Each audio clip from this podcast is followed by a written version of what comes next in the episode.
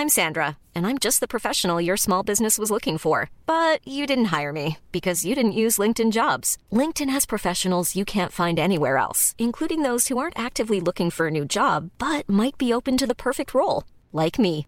In a given month, over 70% of LinkedIn users don't visit other leading job sites. So if you're not looking on LinkedIn, you'll miss out on great candidates like Sandra. Start hiring professionals like a professional. Post your free job on linkedin.com/people today. Planning for your next trip? Elevate your travel style with Quince. Quince has all the jet-setting essentials you'll want for your next getaway, like European linen, premium luggage options, buttery soft Italian leather bags, and so much more. And it's all priced at 50 to 80% less than similar brands. Plus, Quince only works with factories that use safe and ethical manufacturing practices. Pack your bags with high-quality essentials you'll be wearing for vacations to come with Quince. Go to quince.com slash trip for free shipping and 365-day returns. Hi, I'm Daniel, founder of Pretty Litter. Cats and cat owners deserve better than any old-fashioned litter. That's why I teamed up with scientists and veterinarians to create Pretty Litter. Its innovative crystal formula has superior odor control and weighs up to 80% less than clay litter. Pretty Litter even monitors health by changing colors to help detect early signs of potential illness. It's the world's smartest kitty litter. Go to prettylitter.com and use code ACAST for 20% off your first order and a free cat toy. Terms and conditions apply. See site for details.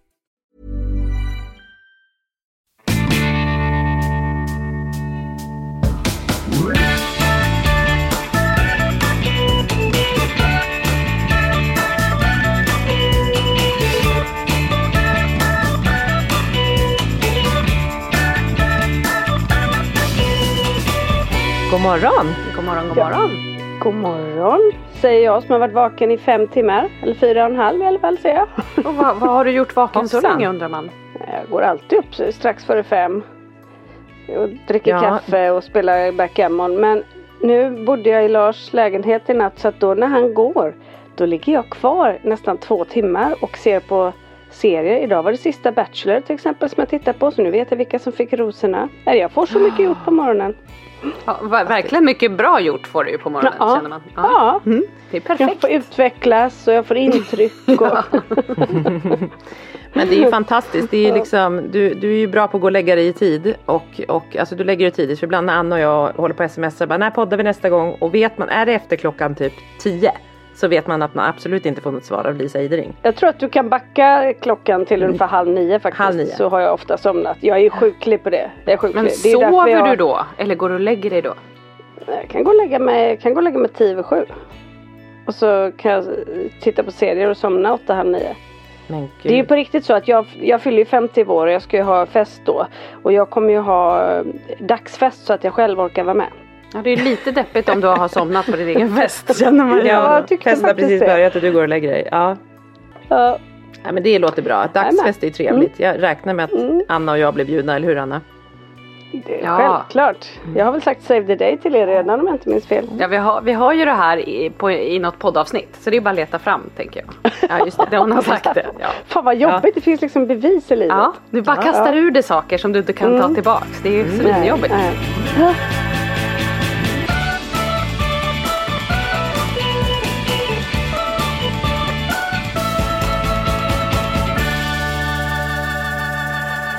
Ha, hur, eh, hur mår ni då tjejer? Ja, eh, personligen mår ganska bra. Jag har varit barnfri i fem dagar eh, och får dem idag. Så att då är det alltid så här. Ja, men då är det lite härligt. Då har man fått vara lite, göra egna saker och sen så blir man liksom taggad inför att träffa barnen igen.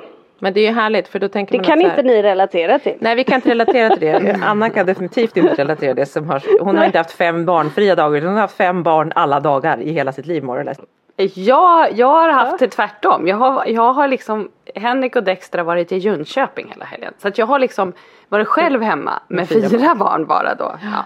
Ja. Så det är lite plus minus noll. Och jag tänkte på det du sa att du så här, går och lägger dig tidigt. Jag blir ju så här eftersom jag inte är ensam så ofta. Eh, Eller det var jag ju inte i helgen heller. Men då tänker jag så här när Henrik är borta så är det så mycket saker som jag tänker att jag ska göra. Att så här, då ska jag kolla på serier som jag vet att han inte gillar. Jag vill läsa tidningar, jag vill läsa böcker. Jag vill, jag vill liksom maxa tiden så himla mycket. Plus att jag också vill så här rensa min garderob och ni vet alla sådana saker som man tänker man ska göra. En hel helg själv tänker man. Det är bara det att man kliver upp, Man går med hunden, man går hem, man gör frukost, man ska skjutsa något barn till en träning, man kommer hem, man går med hunden, man ska göra lunch, man ska hämta något barn och så bara pågår det och sen så är klockan liksom åtta och så sätter man sig en stund i soffan med barnen och sen så ska man natta dem och när jag väl då gick och la mig själv för att jag tänkte så här nu ska jag då kolla på de här serierna och allting. Vad händer då? Jo, jag är ju egentligen svintrött men jag måste maxa min egen tid. Så att det sjuka är att jag vaknar alltså av att paddan slår mig i pannan. För jag ligger alltså i sängen och försöker titta Ja, ja, ja. på Så många gånger man har slagit sig på näsroten av mm. padda eller mobil som man tappar det. Och varför, varför valde jag inte bara att, att liksom sova istället för att vara pigg? Nej. Och vad händer dagen därpå? Då blir jag jättestressad om jag inte vaknar i tid för att jag vill också hinna och sitta och kolla på Nyhetsmorgon och dricka kaffe innan barnen vaknar. Alltså det här med att liksom få egen tid är ju liksom Det är roligt, Ja. man stressar liksom så mycket för att få in den där egen tiden. Så man pressar in egen tiden så den blir också, den blir inte så liksom, det blir inte så liksom. Det blir inte så behagligt. Nej, det blir inte så mindfulness eh, behagligt. Nej, man, man är ju liksom utbränd utav att jaga egen tid. Ja. Mm. Man väljer bort att sova. Det för att man får vara här- själv. Ja exakt. Man fortsätter på plus minus noll. Att man jagar sin egen tid så att man får lite egen tid. Men då har man stressat så mycket så att Så står man här bara, nu är jag själv, fy fan vad härligt det är, åh det är så kul, åh vad bra det är, åh vad skönt det var själv. Alltså det är så harmoniskt låter det som. Och jag tycker Mm. också att det låter som att det alltid är. Alltså det är så harmoniskt och så här brukar det låta. Petra, hur mår du? Eh, jo men jag mår eh, eh, ganska bra. Det har varit höstlov. Eh, Vi Mm. har tagit det väldigt lugnt, vi har varit hemma. Vi var, bodde en natt på hotell inne i stan bara. Det var väldigt gulligt. Vi var, vi Hela skulle, familjen då? Ja hela familjen. Vi tänkte Mm. vi var tillsammans med en annan familj. Och, och eh, vi eh, hade först tänkt åka till så här kokpunkten och så äventyrsbad. Nej men det var ju fullt. Alltså vi var ju för sent Mm. ute. Och vi skulle åka, då, ja, vi bara men det här är Örebro. Nej det var fullt. Så vi hade tänkt göra något så här, vi kanske ska åka till kokpunkten och bo på Steam Hotel och ha det lite härligt. Nej, det har jag tänkt så många gånger och jag lyckas aldrig med det. Jag har aldrig varit där. Så att det slutade med att vi åkte in, vi bodde faktiskt på hotell Rival på Söder, det var jättemysigt. Och så, men så fick eh, papporna, alltså Marcus och så Peter, den andra pappan, fick gå med alla barnen på Eriksdalsbadet. och Marcus Nästan kom- som ko- kokpunkten. Ja, Ja, så de var i bassäng och Marcus bara, det var så jävla kallt där. Du vet, det är inte så här, det är liksom inte ett mysigt bad utan det är bara ett bad. Nej. Liksom. Var det då ni var och käkade lite sushi? Och drack bubbel? Ja, nej vi åt lite, då gick jag och Mia, frun, fruarna gick på promenad men då gick vi upp till Nytorget på Söder och så var det några, vi bara vi går in här och tar bara en öl eller ett glas kava. Och då hade de just kava och ostron var det åt. Eh, Ja så var det. för, ja men då var det så här billigt, ostron 15 kronor styck och ett glas kava typ 65. Det var Oh. skitmysigt, en sån här AV-grej som de hade varje torsdag så där gick Ja, vi in. Var det torsdag ni var ute? Var det inte fredag? Nej, torsdag till fredag. Ah, vad mysigt. Så det var jättemysigt. Så att det, men det var också så roligt så kommer vi in. Jo men så ska vi först åka från vår ö då. Och vi är ju liksom sådana lantisar. Och våra barn som Svante åker vi kör ju honom med bilen ut till Åkersberga varje morgon. Och så åker han ju skolskjuts hem. Och Polly åker ju skolbåt eller går till skolan liksom. Eller cyklar. Och så jag bara, men gud vi kanske ska åka tunnelbana. Och barnen bara, ja vad spännande. Alltså det låter ju så sjukt. Det är verkligen, för så fort vi ska någonstans hela liksom, familjen då är det så här, men då åker man någonstans eh, med bilen. Eller liksom så. Så det blir ju inte att man... ja. Mm. Nej, så vi tog båten till Ropsten och åkte tunnelbana från Ropsten hela vägen till Skanstull. Och Svante, alltså ni ska sätta honom. Han bara, åh herregud mamma, åh herregud. Han stimmade, alltså han stimmade, han satt och viftade. Han bara, åh. Och ska han försöka läsa på skyltarna, okej vad står eh, Slussen. Ja, Slussen är vi nu. Men kan han läsa så bra? Ja, han kan liksom, han kan, han är ju Men faktiskt. gud, vad härligt. Ja, han har lärt sig ganska, liksom han, han läser Knäckt koden liksom. Ja, han har knäckt koden, det har han. Men, och han kan höra, för han kunde inte höra hur han ljudade tidigare. Men det hör han lite nu. Så han är Nej. jätteduktig om man jämför med liksom, ett par år sedan. Och det verkar ju finnas ett intresse eftersom han vill läsa Exakt. Slussen. Det är det Exakt. som är så kul när de knäcker det där och vill läsa skyltar Ja. helt plötsligt. Nej, men exakt. Men ni vet att alla barn inte kan knacka koden. Det fick jag ju lära mig när jag var med Kalle. Ja. Att han förmodligen inte har den förmågan. Nej. Nej, Jag tänkte säga det så att man, Och det är det inte- fler som tragglar med sina Ja, barn. men vissa precis. barn får bara traggla. och Svante känns ju som att nu går det bättre. Och vi läste faktiskt lite igår kväll, för han har ju själv skrivit en bok också Svante. Så att han, ja det där är ju också, ja. Så då Men, åh. läste vi den och då kunde han liksom men det är ju som du säger Anna, att han, han, har ett, in- han har ett intresse, men intresset då, när han då till exempel tyckte det var så kul i tunnelbanan, det var ju för att han var så pepp. Så är han på rätt humör så kan man liksom, är det något som han är peppad för, då kan ju Svante klara jättemycket saker. Men det är ju ganska ofta det är kravställning och det är skolan och, och då är det ju så otroligt kämpigt och då är det som att det absolut inte går. Alltså då är det som att det är Nej. två olika barn när det liksom är Han vill inte. Exakt. Nej, men han stod där och stimmade och så stod han och läste på skyltarna. Vi fick ju byta i Gamla stan och stod han och läste på olika och då stod det ett gäng bakom honom som säkert var i hans ålder eller yngre och han läser ju inte så här Slussen, Skanstull, Gamla stan. Alltså så kan inte han gamla. Nej nej men det, du vet. det var ju... Ja. han stod där och viftade med sina händer och läste sakta. Och de, jag såg det här gänget bakom tittade men jag tittade inte på dem. utan Jag tittade på min härliga son som var så peppad på att få åka Ja. tunnelbana. Ja, det var väl bra. Ja. Så det var väldigt mysigt. Ja, det, var, det blev ett bra dygn. Så det var lite mysig energi för familjen. För det har varit lite Ja men det har varit tungt in till höstlovet lite sådär. Så att det, det, det känns som att det, var, det var välbehövligt. Lite, Mm. Lite en liten- energipåfyllning. Ja. Ja, vad härligt.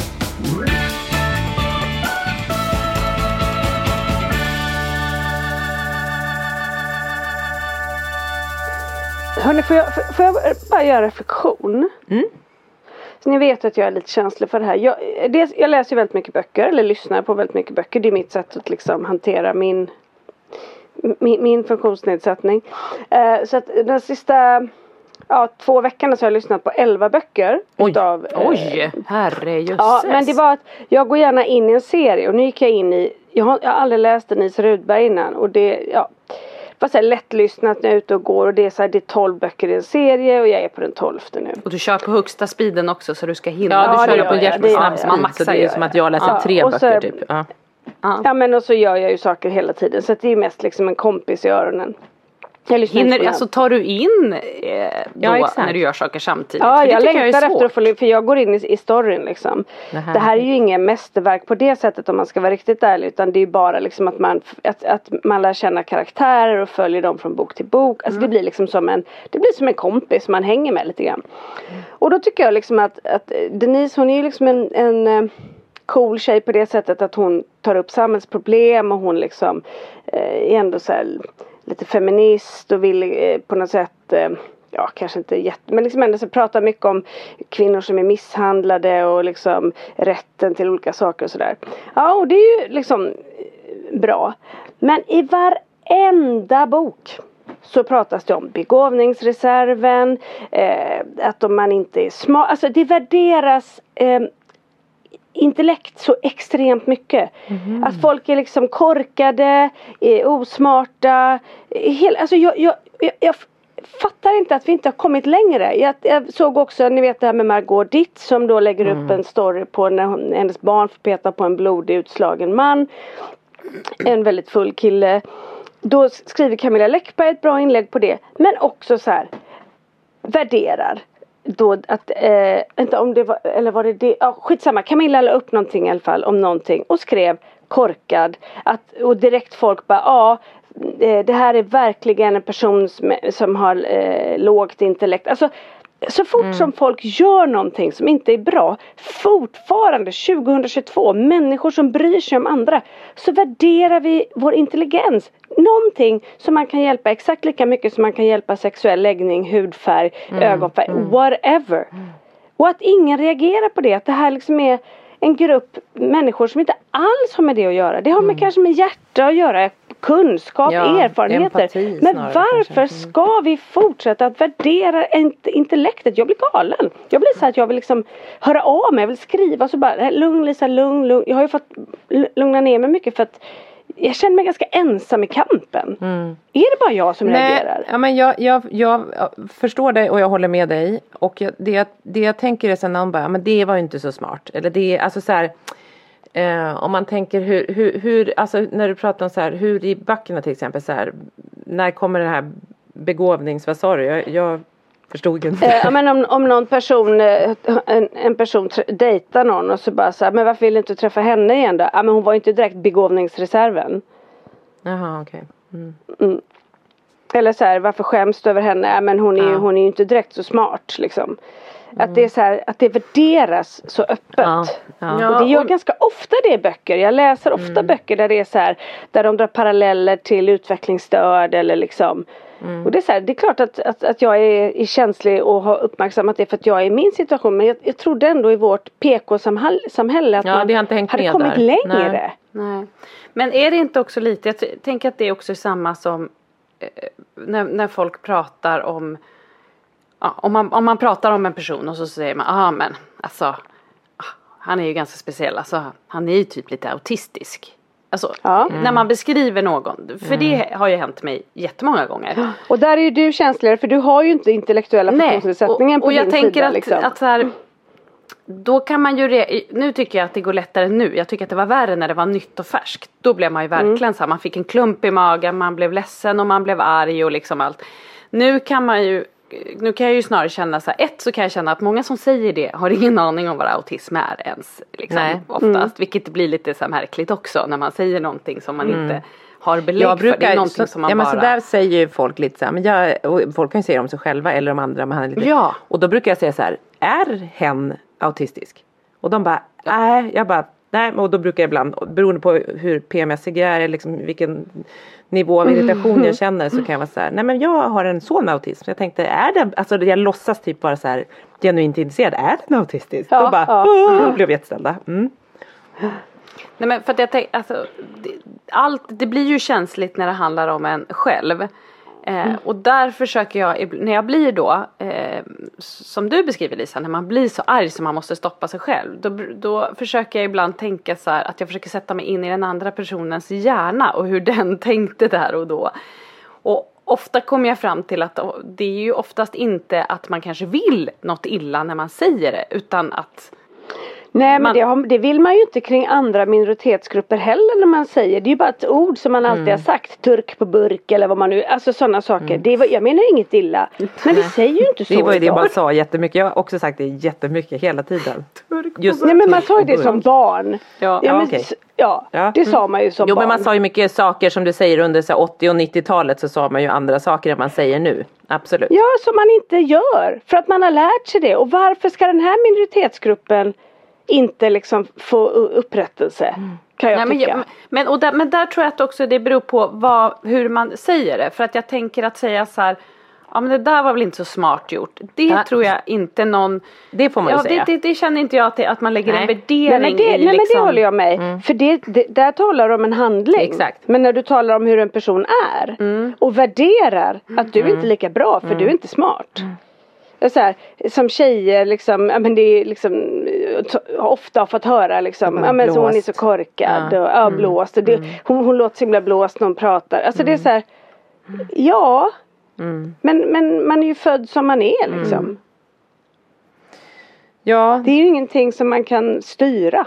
nej men att prata om just att också så här, det är inte, alltså när man pratar om så här, som du säger Anna, det där var inte så smart gjort, det är ju en handling. Men också säga så här, som du säger, värderat så här, nej men låg begåvningsgrad eller där, där, där, där. Alltså så här, det, det, Ja, Men är framförallt så är det ju ofta för att det är förknippat med när folk gör elaka saker. Ja, exakt. När folk gör dåliga saker då är de osmarta. Nej, det har inte med det att göra. Nej. De har ett kallt hjärta, de har ingen empati. Det är empati- Det har ingenting med hjärnan att göra. Nej. Snarare tvärtom. Ganska högintellektuella människor är ofta ganska oempatiska. Jag tänkte säga de precis. som kan göra uträknande elaka saker har kunnat dragit det några varv i huvudet och tänkt ut. Och, Ja. Och det är liksom så här, och så pratar ju folk öppet, politiker, allting. Och jag blir så här, när ska, när ska man förstå vad det är man faktiskt säger? Att, för det vi gör också är att vi lär våra barn att, att vara osmart är inte bra. Så att när de då träffar barn som inte är smarta, det vill säga mina barn som inte är smarta på det sättet. Ja men då kan man ju liksom, kan man värdera dem på ett annat sätt.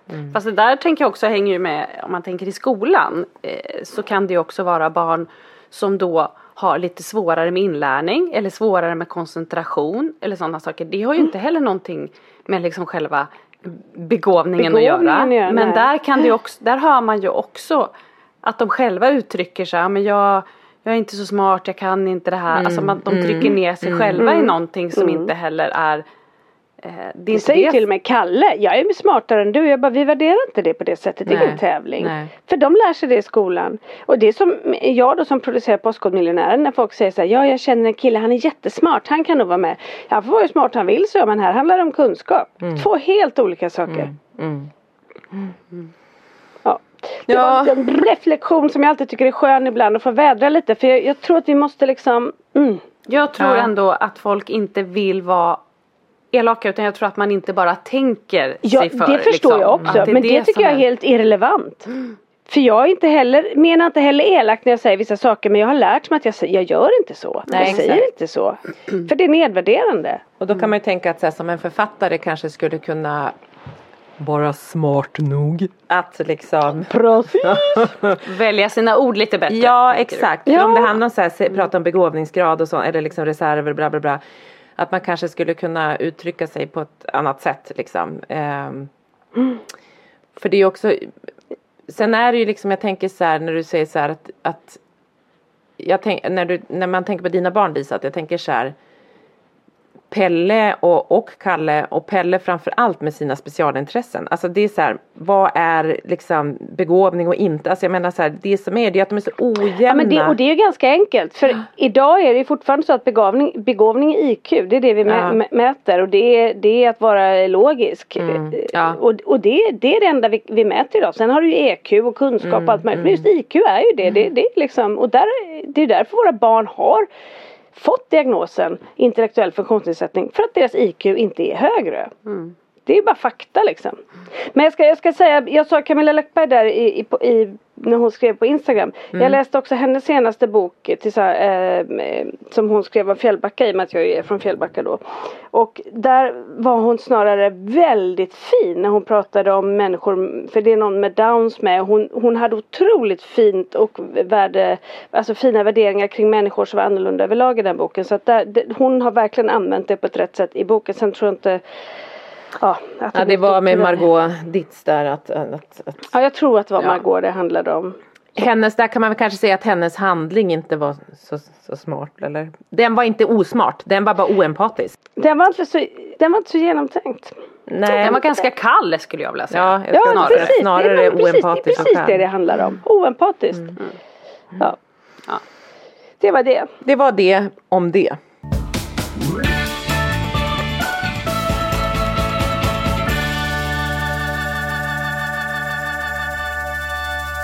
Eh, nej men jag, du pratade om att, eh, att du lyssnade på böcker. Och då frågade Anna så här, kan du koncentrera dig då? Och då liksom, oj, oj, för jag har också svårt att lyssna på ljudbok. När jag liksom gör, jag kan stå och vika tvätt och sådana saker. Men, men sen tycker jag det är svårt med ljudbok. Men däremot så lyssnar jag på lite poddar istället. Det, för då, då är det lite mer så här, eller nyheterna eller liksom så. Och då, då kan man liksom tappa bort det, spola tillbaka lite. Men jag tycker det är lite jobbigt att jag måste göra det när jag lyssnar på ljudbok. Men så lyssnade jag på en podd häromdagen.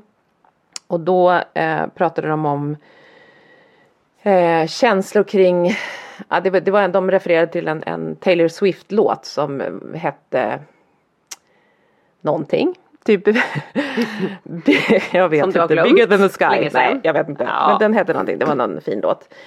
Som, är från hennes nya album. Och eh, då pratade de om att det kändes som att, så här, att, att det, texten, att den kunde ha med eh, missfall att göra. Eller så här att man var gravid och man fick ett missfall. Eh, och då pratade de vidare om att så här, hur det var varje gång, för en av de här poddarna har haft flera, fått flera missfall.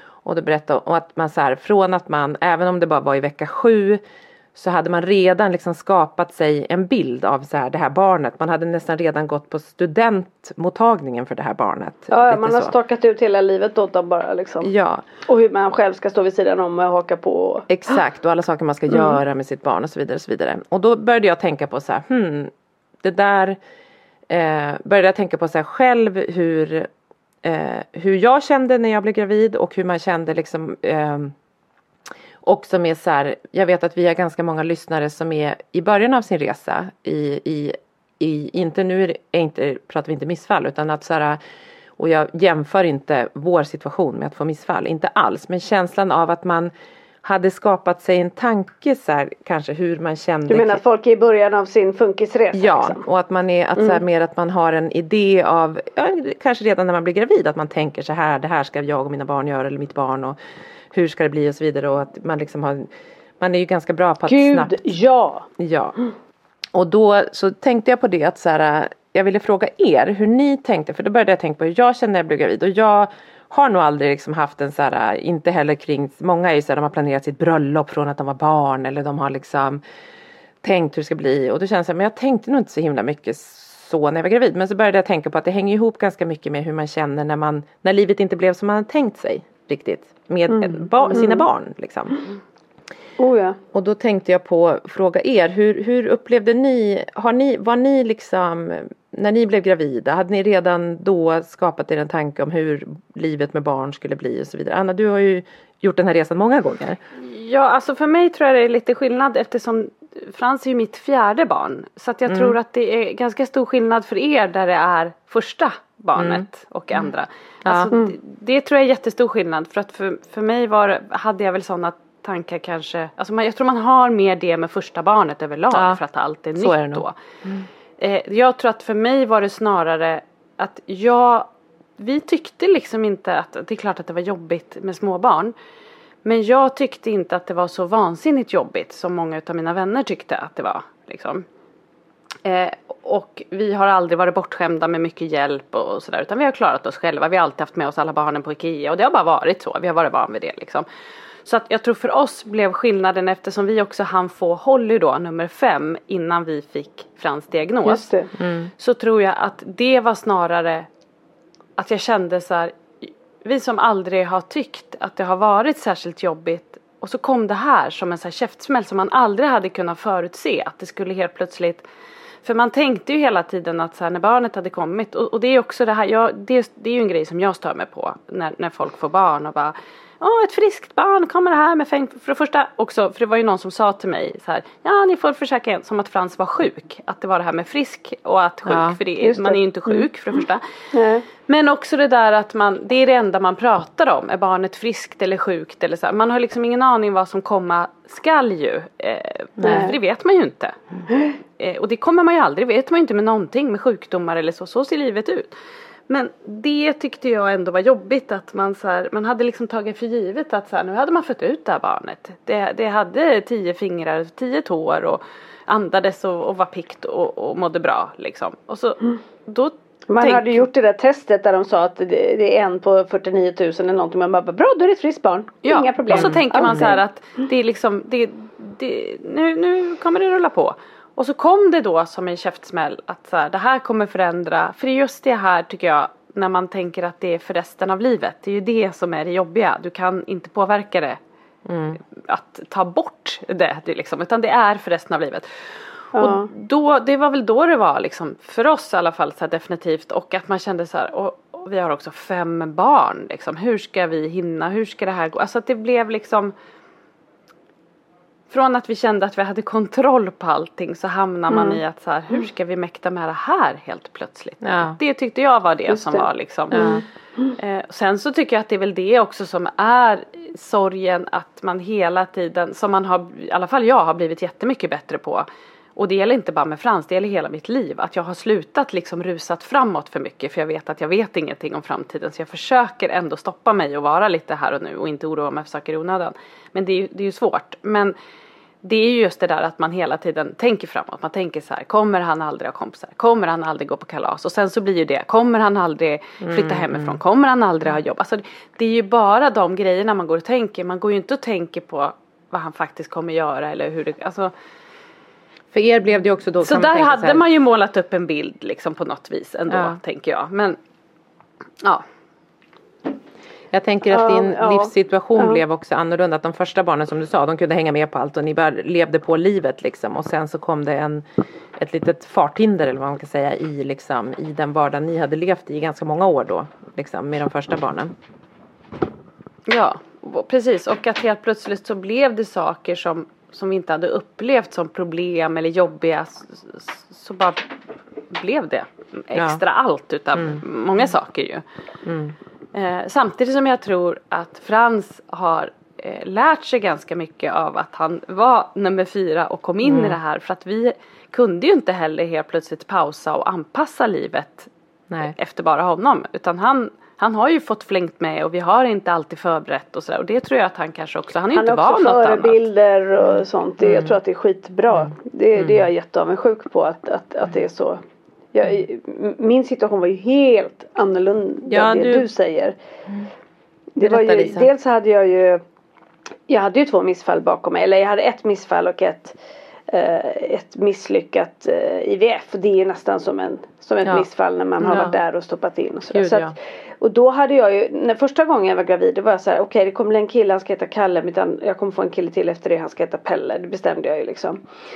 Och jag hade ju sett så, ja då jobbar jag så länge och sen så efter jag har, då går jag av där, då kan jag göra det projektet till dit och sen så är det där, då föds han där och då kommer det vara liksom.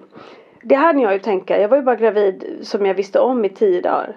Sen fick jag missfall men det var ju liksom, det var ju som att någon fullständigt drog mattan för en liksom. För hela livet, det bara puh, tvärvände. Så hörni, då måste jag fortsätta jobba ännu längre. Alltså det blev ju så här Ja. konstiga tankar på något sätt. Ehm, så det var ju en sak. Sen när jag då fick barnen. Då, då blev det också så här. ehm, i, jag tror att i och med att jag hade haft missfall. Två gånger eller man då ska säga. Så, så var ju det så otroligt efterlängtat. Så att det liksom. Eh, Det hjälpte nog till att, att eh, inte bli lika, vad ska jag säga.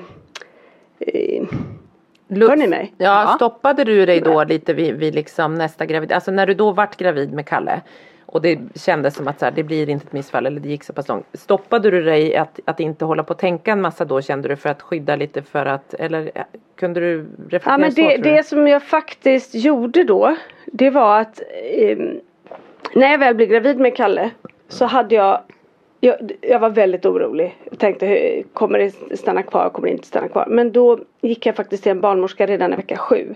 Där de såg ett hjärta slå och då sa de, har man sett ett hjärta slå så kan man vara lugn. För att det här med 12 veckor är ju för att antingen hjärtat inte slutar, sl- eller börjar slå men det tar ett tag innan det stöts ut och det brukar vara då inom 12 veckor. Det var vad de sa i alla fall. Så då, då var jag ändå ganska lugn och sen så mådde jag sjukt illa så att jag blev väldigt påmind om att jag var gravid. Men det var ju en resa i sig då liksom. Och så kom Kalle. Men det konstiga var att ja, jag hade en ganska dramatisk förlossning med Kalle då i och med att han eh, jag inte kände honom fick åka in och eh, blev eh, katastrofsnittad och det visade sig att, han, att min navelsträng hade dött. Så att han låg ju och sparade på den lilla lilla energi som fanns kvar. Men han kom ut med upgrade 10 10 9 så det var ju, hade ju ingenting med det här att göra. Men får jag Men- fråga då bara, när, när, för Ja. det har inte jag hört innan. Och det kan du ju återgå, återkomma till sen. Men, men fi- hade du några tankar kring det när ni började misstänka någonting att det hela skulle ha med det att göra? Att han hade Nej. fått väldigt lite näring från navelsträngen? Nej, för att han hade så fina värden när han kom Ja, och allt var så. bra Mm. liksom. Så att det, det, det, jag hann liksom aldrig tänka det. Nej. Eh, och eh, ehm, Men jag hade en känsla att det var något som inte stämde. Mm. Ganska tidigt. Jag, var så melankolisk kring Kalle. Nu hade jag i och för sig lite så här Du förlossningsdepression. hamnade väl lite, ja exakt, du hamnade väl lite Ja. i det. Ja. Mm. Jag var deppig och jag blev ju också så här för alla hade sagt till mig att jag hade sån stark magkänsla och som hade då räddat Kalle med detta för hade det varit någon timme senare kanske inte hade gått och sådär liksom. Så jag, jag vågade ju knappt, fick jag så här magkänsla att han inte var, att han hade dött typ inne i sovrummet så vågade jag inte gå in. Alltså jag var ju väldigt starkt kopplad till allt det här. Eh, Men det var ändå något melankoliskt som var så här. "Åh, det är något som inte stämmer. Men ändå så tänkte jag ju liksom såklart och, och han ska gå i skola, ska man sätta sig i kö redan nu till skolan? Det är ju tydligen jätteviktigt och bla bla bla. Och han "Åh, undrar vilken, när han får sin första tjej och, och gifta sig. Ja men allt det där liksom. Och studenten och, och så.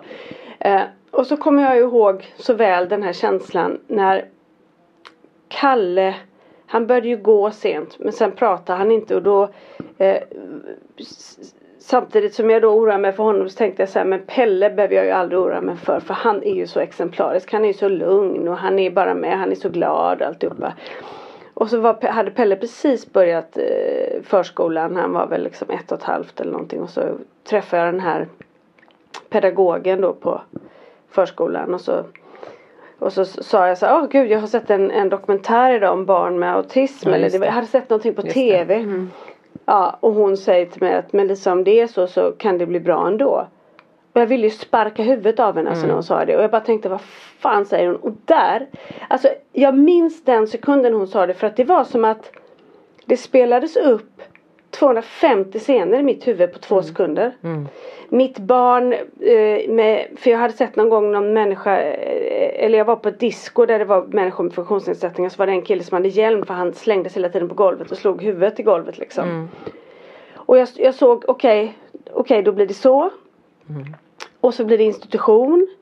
Eh, och så blir det liksom eh, ingen vill vara med oss. Alltså allt, Allt som bara kom. kom. Och Allt också, kom. det kom inte också allt så här, för det är så mycket främmande eftersom man inte, i alla fall jag visste inte tillräckligt mycket om det.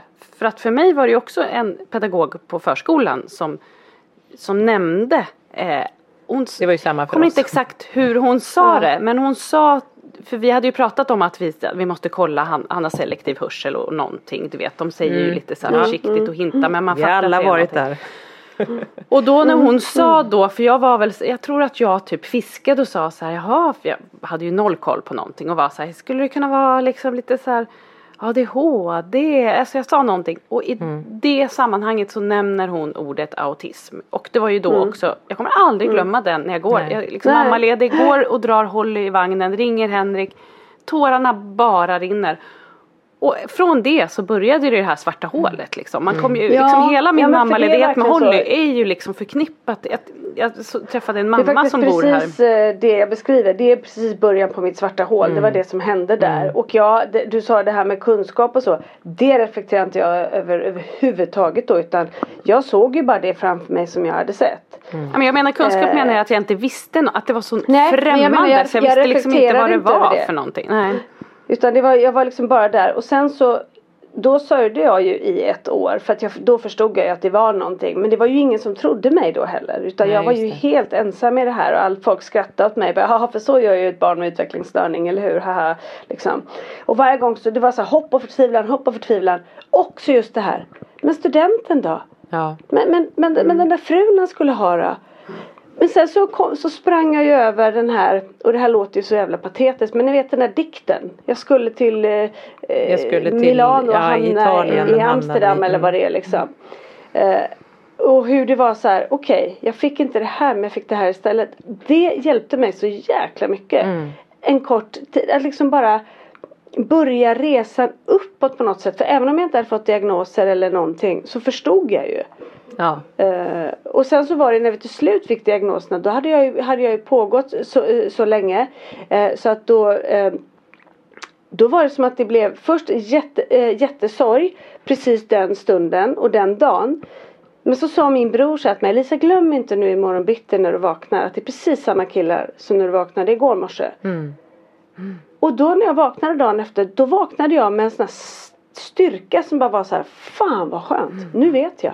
Nu, har, nu är det bara verktyg som ska fram liksom. Mm. Mm. Sen har det, ju, har det ju trillat ner många gånger efter det men det var Ja, liksom ja, ja. ändå, ja. Men är det inte också, för jag, tänk- för jag har liksom tänkt lite på vad det är. Dels har ju vi vuxit in i det, vi alla tre, och liksom landat och kommit upp ur svarta hålet och vi har nya utmaningar och så. Men jag tänker också att när barn är sådär små så jämförs de på ett helt annat sätt än vad man gör när man blir äldre. Det, det, det blir ju mer märkbart att våra barn är annorlunda ju äldre de blir på ett sätt. Men när man är sådär liten så är det liksom den här månaden ska barnet kunna det. Den Ja. månaden Oh ja. ska den kunna det. Gud, det är liksom så mycket efter en mall och, och liksom Ah. man hänger i såna här mammagrupper och man, man, jäm- man kollar på varandras barn och det är liksom det byggs en stress på ett sätt Mm. som jag tror man släpper när de blir äldre. Men å andra sidan så blir det mer liksom markant att de är annorlunda Ja. då. För det syns Ja mer. men och det var ju så otroligt känsligt för mammor är så känsliga överlag. Så de satt ju där och, och, och, och grät över att liksom inte, de inte hade rapat tre gånger som man skulle. När man själv var så här, mitt barn liksom följer absolut ingenting. Man visste Nej. att det här är verkligen någonting som är riktigt annorlunda. Då blev man ju så fruktansvärt provocerad av deras jävla oro liksom. Ja. Mm. Och det är också jobbigt och det är också fel för de är ju i sin situation där man måste få vara liksom. Ja. Ja men det är ju som, alltså det, det är ju lite, alltså det ni båda beskriver och att man så här i vårt, vår tid nu i vårt samhälle och som du sa Anna att så här man, man Eh, just med att så här, man kan, eller som Lisa du säger att så här, jag planerade hur jag skulle jobba och inte jobba och sen tänkte jag så här och så här att man har så mycket delar i sitt liv som man kan styra nu. Och man kan styra liksom, ja men då man planerar och man tänker så här ska det bli och så har man kunnat på sitt jobb varit producenten som bestämmer och så sen så, så kan man helt plötsligt inte bestämma eller man kan inte liksom bestämma över sin tid eller hur det ska bli utan helt plötsligt så står man där helt handfallen inför något som man inte vet. Kontroll, ja, ja maktlös. Maktlös och det är väl det som, som man måste både gå in i och få sörja och få bli orolig för och så vidare. Men, men sen liksom någonstans lägga sig platt och bara okej, okay, så här är det. Och så liksom som du säger Lisa, försöka hitta verktyg och så vidare. Men det är, jag tror i vår tid nu att det är svårt att man, man går händelserna i förväg lätt och vill tänka att så här ska det bli och så här gör vi sen och sen ska vi hitta på det här och så kommer det bli så här. Eller precis som du säger Anna med de här olika faserna i första året eller första två åren med ett barn liksom. Så, så, så kan man helt plötsligt inte styra det. Jag kommer ihåg jag träffade en mamma som som, som liksom, hon kommer fram till mig i lekparken och bara, ja har han börjat konsonantjollrat? Jag bara, vad sa, vad sa du för något? Vad är det ens? Ja, det var liksom, du vet. Ja, och då tänker ja. man så här att det blir så prestation för de här små barnen och det får man ju också släppa och att det är så här som du säger Anna med att jämförelse och det, de blir, skillnaderna blir större när de blir stora för de blir annorlunda på andra sätt. Men att det är just hela tiden, det här ska man ska checka av den här boxen för att man ska ha ett felfritt barn. Och det ska vara så här för att livet ska vara, mm. hela vårt liv med att så här, det ska vara perfekt städat, det ska vara, se perfekt ut där, det ska vara perfekt och mm. barnen ska vara välkomna, mm. de ska sitta stilla vid bordet ska och kunna koncentrera sig. Alltså så här, man får ju släppa så, nu har jag inte haft sådana tankar någonsin tror jag, men, men att att det, jag tror att det är för många att det är svårt och man måste släppa på idéerna om det någonstans i samhället och i sett per, perfekta livet liksom. Att det får bli på det kommer bli. Men jag tror också att det är jätteviktigt att man tillåter sig att sörja det som inte ja. blev. Att ja. man behöver göra det, att man behöver sörja ut det. Mm. För jag kan också känna att jag gjorde det, jag sörjde nog men jag tror också att jag hamnade i en situation där jag var så här. Jag har två grabbar med diagnoser och ett annorlunda liv. Jag fick inte det där vanliga. Hur fan ska, hur ska jag hantera det här? Jag måste bara liksom bestämma mig för att det här var mitt liv. Och jag blev ganska så här, fan vad bra det blev det bästa, så här skulle det vara. Vilket gjorde att jag erkände inte för mig själv att jag faktiskt önskade att det var annorlunda. Mm. Det tog ganska lång tid innan jag vågade lyfta på det locket och inse så här att nej, jag önskar faktiskt att det inte var så här. Sen betyder inte det att jag älskar dem mindre eller att jag vill ge dem allt jag kan. Men jag önskar både för deras och min skull att de hade fått leva ett normalt liv. Ja, för det kommer jag ihåg vår första podd typ eller ja, andra. Då sa jag så att då sa här, du det. Ja, och jag trodde på det då. Jag mm. trodde på det då. Mm. Men det kanske också har att göra med att mitt eget liv har förändrats sedan dess och så att ja. det har blivit mer märkbart. Men, och ja. att man känner att de är mer utsatta i liksom att det hade varit lättare för dem. Men det jag ska säga också eh, angående det du sa Petra, att det är också så här, det är svårt när allting när de är så här små, man går ju på de här kontrollerna på BVC som oftast är liksom, alla tycker det, det är så mysigt. Man ska gå på treårskontrollen på BVC och vad mysigt och de tar en bild och barnet gör rätt och många pratar ju också om så här, vad händer på den där, vi måste träna till den där treårskontrollen för att ja. ska rita en streck, vad det nu nu hittar jag på. Mm. Men om man, och för mig var det ju så här, när man kom dit då med Frans, det var ju en klump i magen för man, då fick man ju se allt som var avvikande istället. Ja. Det var ju mm. inte det här lustfyllda. Liksom. Ja. Ja, det var inte någon mys så... på BVC-kontrollerna, det var det ju inte. Nej, det var inte mys. Det kan man inte säga att det var mysigt. Så det är ju liksom, det är svårt att, att, att liksom inte att inte tänka efter den här mallen eftersom allt är efter den här ja. mallen. Köper du en, en så här mammatidning, Vi föräldrar eller mamma eller någonting så står det också så här det här ska ditt barn kunna i tre till sex mm. månader. Här alltså så här, allt mm. är ju efter en mall. Det är ju först när de blir äldre som man har möjlighet att få vara olika personer och, och, och få, vara sin personlighet på ett annat sätt. Innan så ska det vara efter mallen. Mm. Vilket är jätte... Jag kan, jag kan, inte läsa de där tidningarna av den anledningen. Nej. Det är så perfekt allting. Men det är också som du säger att det är inom den här mallen och det jobbiga är ju att det tyvärr i vårt samhälle fortsätter att vara en mall. Om man tittar på skolan till exempel så är det ju så jävla mallat så att det liksom finns inte utrymme att vara annorlunda. Det är så jävla snävt. Det är ju hela vårt samhälle att vara ja, annorlunda. Ja, ja, Oavsett var du är så är det ju mallarna är inte lika tydliga men mallarna finns där, normerna finns där som man vill kräkas på. ganska ofta. Liksom. Och att det känns snävt och att man använder att de, ja men det, där vi började Lisa med hur man liksom värderar människor och människors kunnande eller människors liksom intellekt eller vad det nu kan vara. Så det, Och som vi pratar om så ofta hur vi, hur vi tror oss vara så liksom upplysta och Ja. öppna för saker och ting och så när det väl gäller så, så står vi där och stampar med våra gamla fula Men eh, det känns ändå som på de här åren eh, från det att liksom vi fick diagnosen till nu. Eh, nu kanske det också är för att jag är mer påläst och, och för att man det är ju samma, är man gravid så ser man ju bara gravida till exempel Ja, på, på stan och så vidare. Men då kändes det ju ändå som att det inte fanns lika mycket information. Det var ju de här Nej. gamla eh, autismbroschyrerna man fick på autismcenter. Mm, det fanns liksom inte Ja, jag, jag tyckte, och, och nu tycker man också att man hör det mer, att det är mer van. Ja. Alltså, men det kanske också är för att vi är mer öppna med det. Innan så tror jag inte man, då var det mer skambelagt att prata om det nästan. Att man så här skulle Ja men, nu, hålla det lite ja mer. men nu finns det ju i debatten och allt om vi pratar liksom skola eller politik eller så så är det ju också så här, man pratar ju om MPF, man pratar om saker. Ja. Det pratade man inte om när Svante fick sin diagnos för snart tio år sedan liksom. Det, det Nej, var nej, inte nej, uttalat på samma sätt. Nej men jag reflekterar över för att jag tycker sen genom livet så har man ibland mött folk som är annorlunda som man tänkt så här, oj vilken konstig person. Eh, sådär liksom. Mm. Nu, nu ser jag de här då som vi kallade konstiga personer. Jag bara, men åh det är en kille med autism Mm. ser jag liksom. Som kommer gå han stimmar lite och går eller står själv och håller på liksom. Liksom jag önskar så att alla fick ta del av den kunskapen som vi har för att förstå det. Att här är en kille med autism eller en tjej med autism. Här är en person som går med diagnos men som ändå lever själv. Vad fint! Ex- står här på exakt det är så härligt tycker jag när du säger för så tänker jag också nu att när man då ser en person som man tänker har, som man i alla fall tror har autism då till exempel. Mm.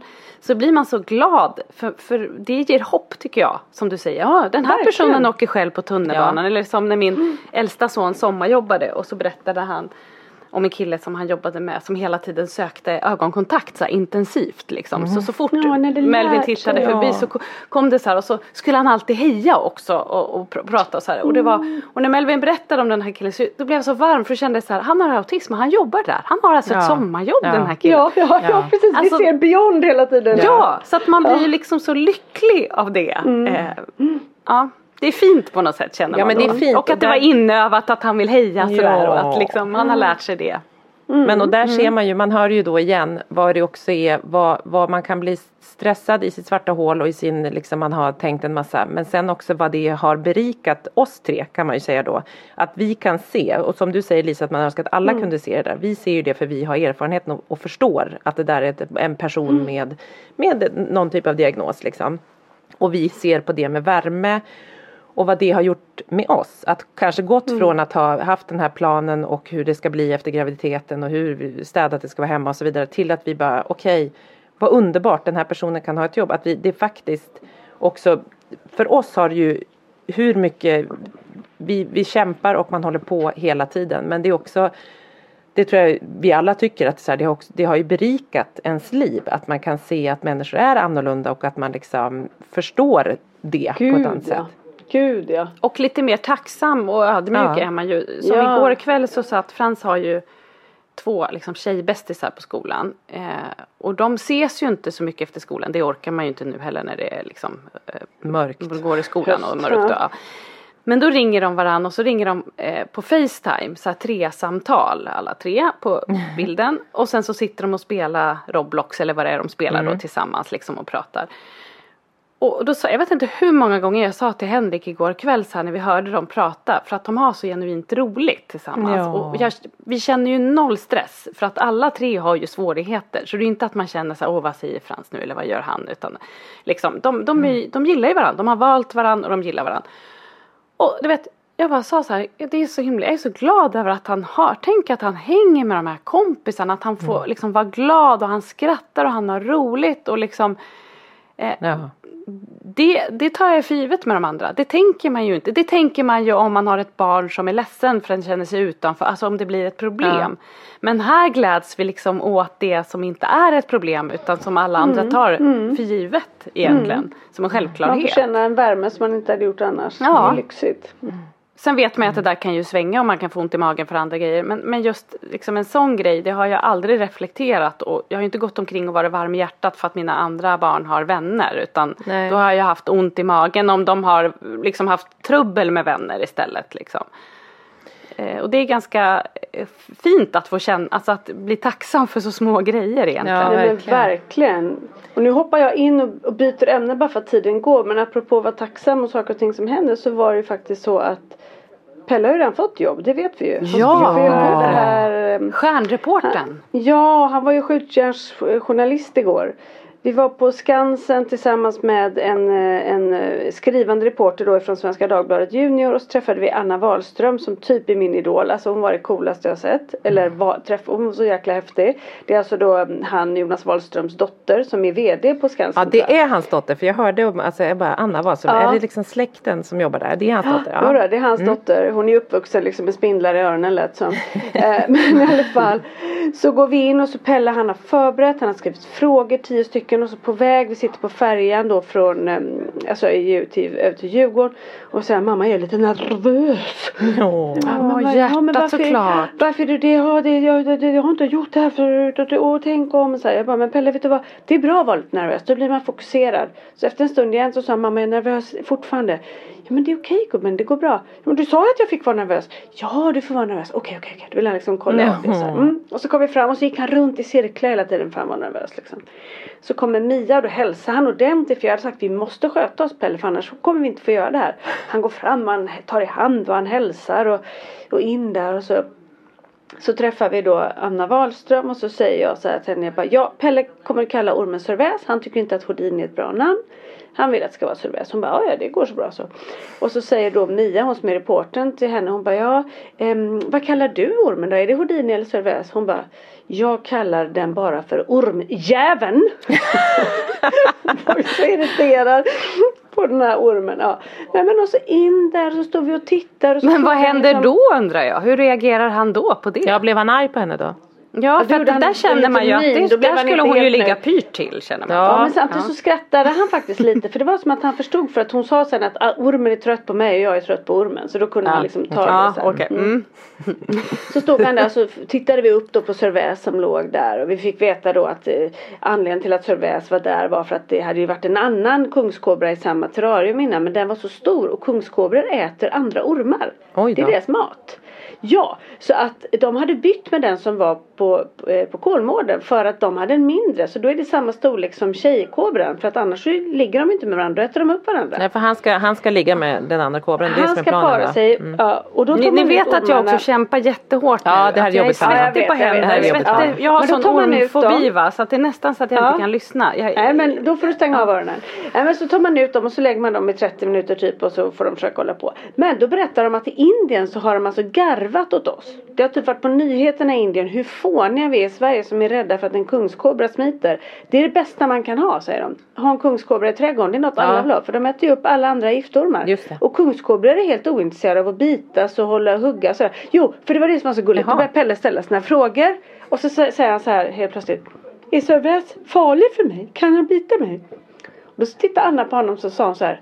Vet du vad? Jag kan bita dig. Men det vill jag inte. Och det vill inte kungskobran heller. Hon svarade så himla Ja, härligt och coolt hela tiden. Ja. Eh, och sa att de är helt ointresserade av det. Och det var då hon berättade att de hade skrattat åt oss i Indien. Nej men så, så gick vi runt där och han ställde alla och han var så ordentlig och han fick hålla ju då eh, pytonormen och, och fotade och så skulle han, han var så gullig den så, fotograf och sa så här, du måste titta in i kameran. Så lutade sig fram. Nej, men du behöver inte luta dig in i kameran, du kan stå vanligt. Det var jättesvårt för honom att Ja. titta i kameran. Han försökte le och titta, ja, Ja. väldigt svårt. Men jag tror han fick till det med fina bilder och Ja, de var så fina och de behandlade honom med sån respekt ifrån tidningen och verkligen lät honom liksom ställa frågorna och kliva fram. Hon stod bara där bakom och antecknade och, och tog någon liten stödfråga men det var liksom allt var hans. Han var Mm, verkligen nej. reportern. Men Alltså, och när, när får vi läsa det här? När kommer det? Kommer nästa vecka. I Svenska Dagbladet Junior. Då skulle, hon få, då skulle han få en tidning till sig och till alla sina klasskamrater skulle han få ge till dem. Ah, alltså Det är ju stort det här alltså. Sen när de Ja, gick då var hon Anna Wahlström så gullig. Hon bara Pelle ska du följa med mig och mata fiskarna i, i korallrevet? Han ni vet som vill till Australien. Han bara "Ah." Fick ju följa med oss bakom och kasta och vi var och tittade på rock. Och, nej, nej det var så fint. Nej men. Och vad mysigt att få göra det själv med honom också tänker jag. Bara ni två. Verkligen. Mm. För han var så andaktsfull i. Ja. Det var liksom han, ni vet när, när våra barn med autism som är liksom bara spretar åt alla håll helt plötsligt bara samlar ihop sig Ja. och blir, blir liksom viktig. Ja. För det var vad han blev. Och Då bli blir fokuserad. Då är det som att de kliver ur bubblan lite grann. Att de är Exakt. närvarande på ett annat sätt. Och så ser man bara, kan du vara så här? Ja. Liksom det är ju fantastiskt. ja. Gud vad underbart. Ja gud vad härligt. Det enda jag tänker på när du sa det där att Anna typ är uppvuxen med spindlar i öronen. Det var där du Då har jag en bild i huvudet att hon, ja det fastnade jag, Eh, jag gick inte vidare. Då har jag en bild i huvudet att hon ligger liksom i en spjälsäng och istället för att ha liksom en gosedjursmobil Så har hon så har spindlar. hon liksom ormar och spindlar Håriga som spindlar. hänger Men jag i tror den att det var så. Jag tror typ att det var så. Och hon berättade också att hennes egen dotter när hon var tre år på dagis. Så var det en jättestor spindel i kapprummet och alla fick panik. Både liksom pedagoger och den där rektorn visste inte vad de skulle göra. Så då hade hennes lilla dotter som heter Mi kommit fram. Kan jag hjälpa till? Nej. Och de bara, eh, hur då? Så går hon fram, kupar sin hand, tar den stora spindeln, går ut i kapprummet, tar på sig gummistövlarna. Nej. Går ut med ormen och lägger, eller med spindeln och lägger den i buskarna. Det är ändå familjen Wahlström. Ja det är liksom. familjen Wahlström. Jag måste säga att de är ett snäpp högre upp än vad jag är med mina djur ändå. Ja, Ja, och du sen har lite jag att jobba på hon där, Anna Petra, jag. Wahlström, hon särbehandlar inte Pelle som, liksom, som att han hade någon funktionsnedsättning en enda gång. Hon Nej. var bara liksom så här, schysst människa. Jag tyckte Ja. det var häftigt. Ja. Men det är det det handlar om. Det är det man ska vara. Alltså det är bara så här. Var lite mer öppen. Hur många gånger har vi pratat om det? Och lite mer tillåtande och bara så här. Försök att se en människa för vad människan är. Det är en människa. Som alla andra. Det är lite intressant för även Titti Schultz som är då en bra kompis till mig var hemma hos mig i somras och träffade Pelle och hon pratade med Pelle för hon har ju, hon har, det är ju hennes sätt. Hon pratar med barn på precis samma sätt som hon pratar med vuxna. Mm. Så hon pratade med Pelle liksom som om han var vuxen och liksom deras connection de fick. Mm. Det var rätt häftigt.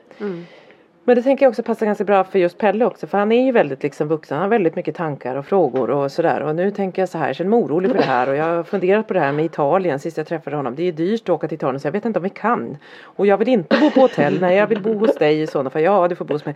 Ja men tror du att, ja men ni får börja spara nu. Ni har ju några månader på er. Ja. Ja men jag tror att det kanske inte går Petra. Jo det kommer gå. Du vet. Alltså, han har ju mycket liksom.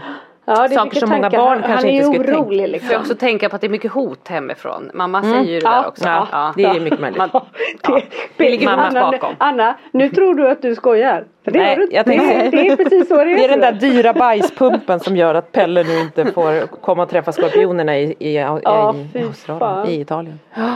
Ja. Ja, kära, kära funkismorsor. Ja, fantastiskt. Och kära, kära, fina, underbara lyssnare. Tack alla som har nominerat oss och Ja, röstat just på det. oss. Tänk, alltså, vi kommer inte komma alla vart, det förstår vi. Det finns så stora poddar. Jo, jo. Men vi kan väl göra ett försök. Nej men alltså. Det är också, på- nej, Hur men det är, sjukt är inte det? Är nominerad i två kategorier. Ja, det är inte klokt. Vi? Ja, herregud. Va?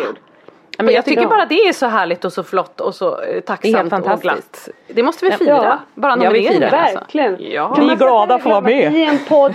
Vi har ingen producent, vi har inga sponsorer. Vi har ju ingenting. Vi bara är vi tre morsor som försöker att släpas upp till en mikrofon och Ja. rapa upp lite ord. ja. I, Men idag det vi, fick vi till har, en del ord. det vi har, vi har en sak som inte de andra Ja. har. Vi har faktiskt Ja. universums bästa finaste lyssnare. Det har vi faktiskt. Ja, det har vi. Ja, Hur det har vi. snälla, fina, varma, kärleksfulla Ja. lyssare har inte Ja. vi? Ja, men för vi är ju en familj med våra Ja. lyssnare. Det är ju det. Det är ju inte vi och dem, vi är ju tillsammans. Ja. Det är härligt. Vi älskar alla er. ja, det gör vi verkligen. Ja. Det gör vi verkligen. Ja. Hörde ni, vad mysigt att prata med er och eh, puss och kram till er och puss och kram till alla lyssnare. Och så Mm. hörs vi snart igen då. Ska vi På återseende. På återseende. Återhörande. Verkligen. Verkligen. Mm. Ha en Puss fin vecka alla. Puss och kram. Mm. Hej hej. Hej då.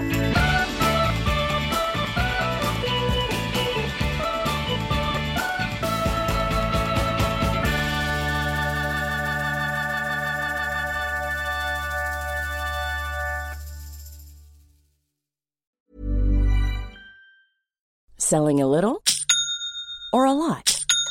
Shopify helps you do your thing however you cha-ching. Shopify is the global commerce platform that helps you sell at every stage of your business. From the launch your online shop stage to the first real life store stage, all the way to the did we just hit a million orders stage.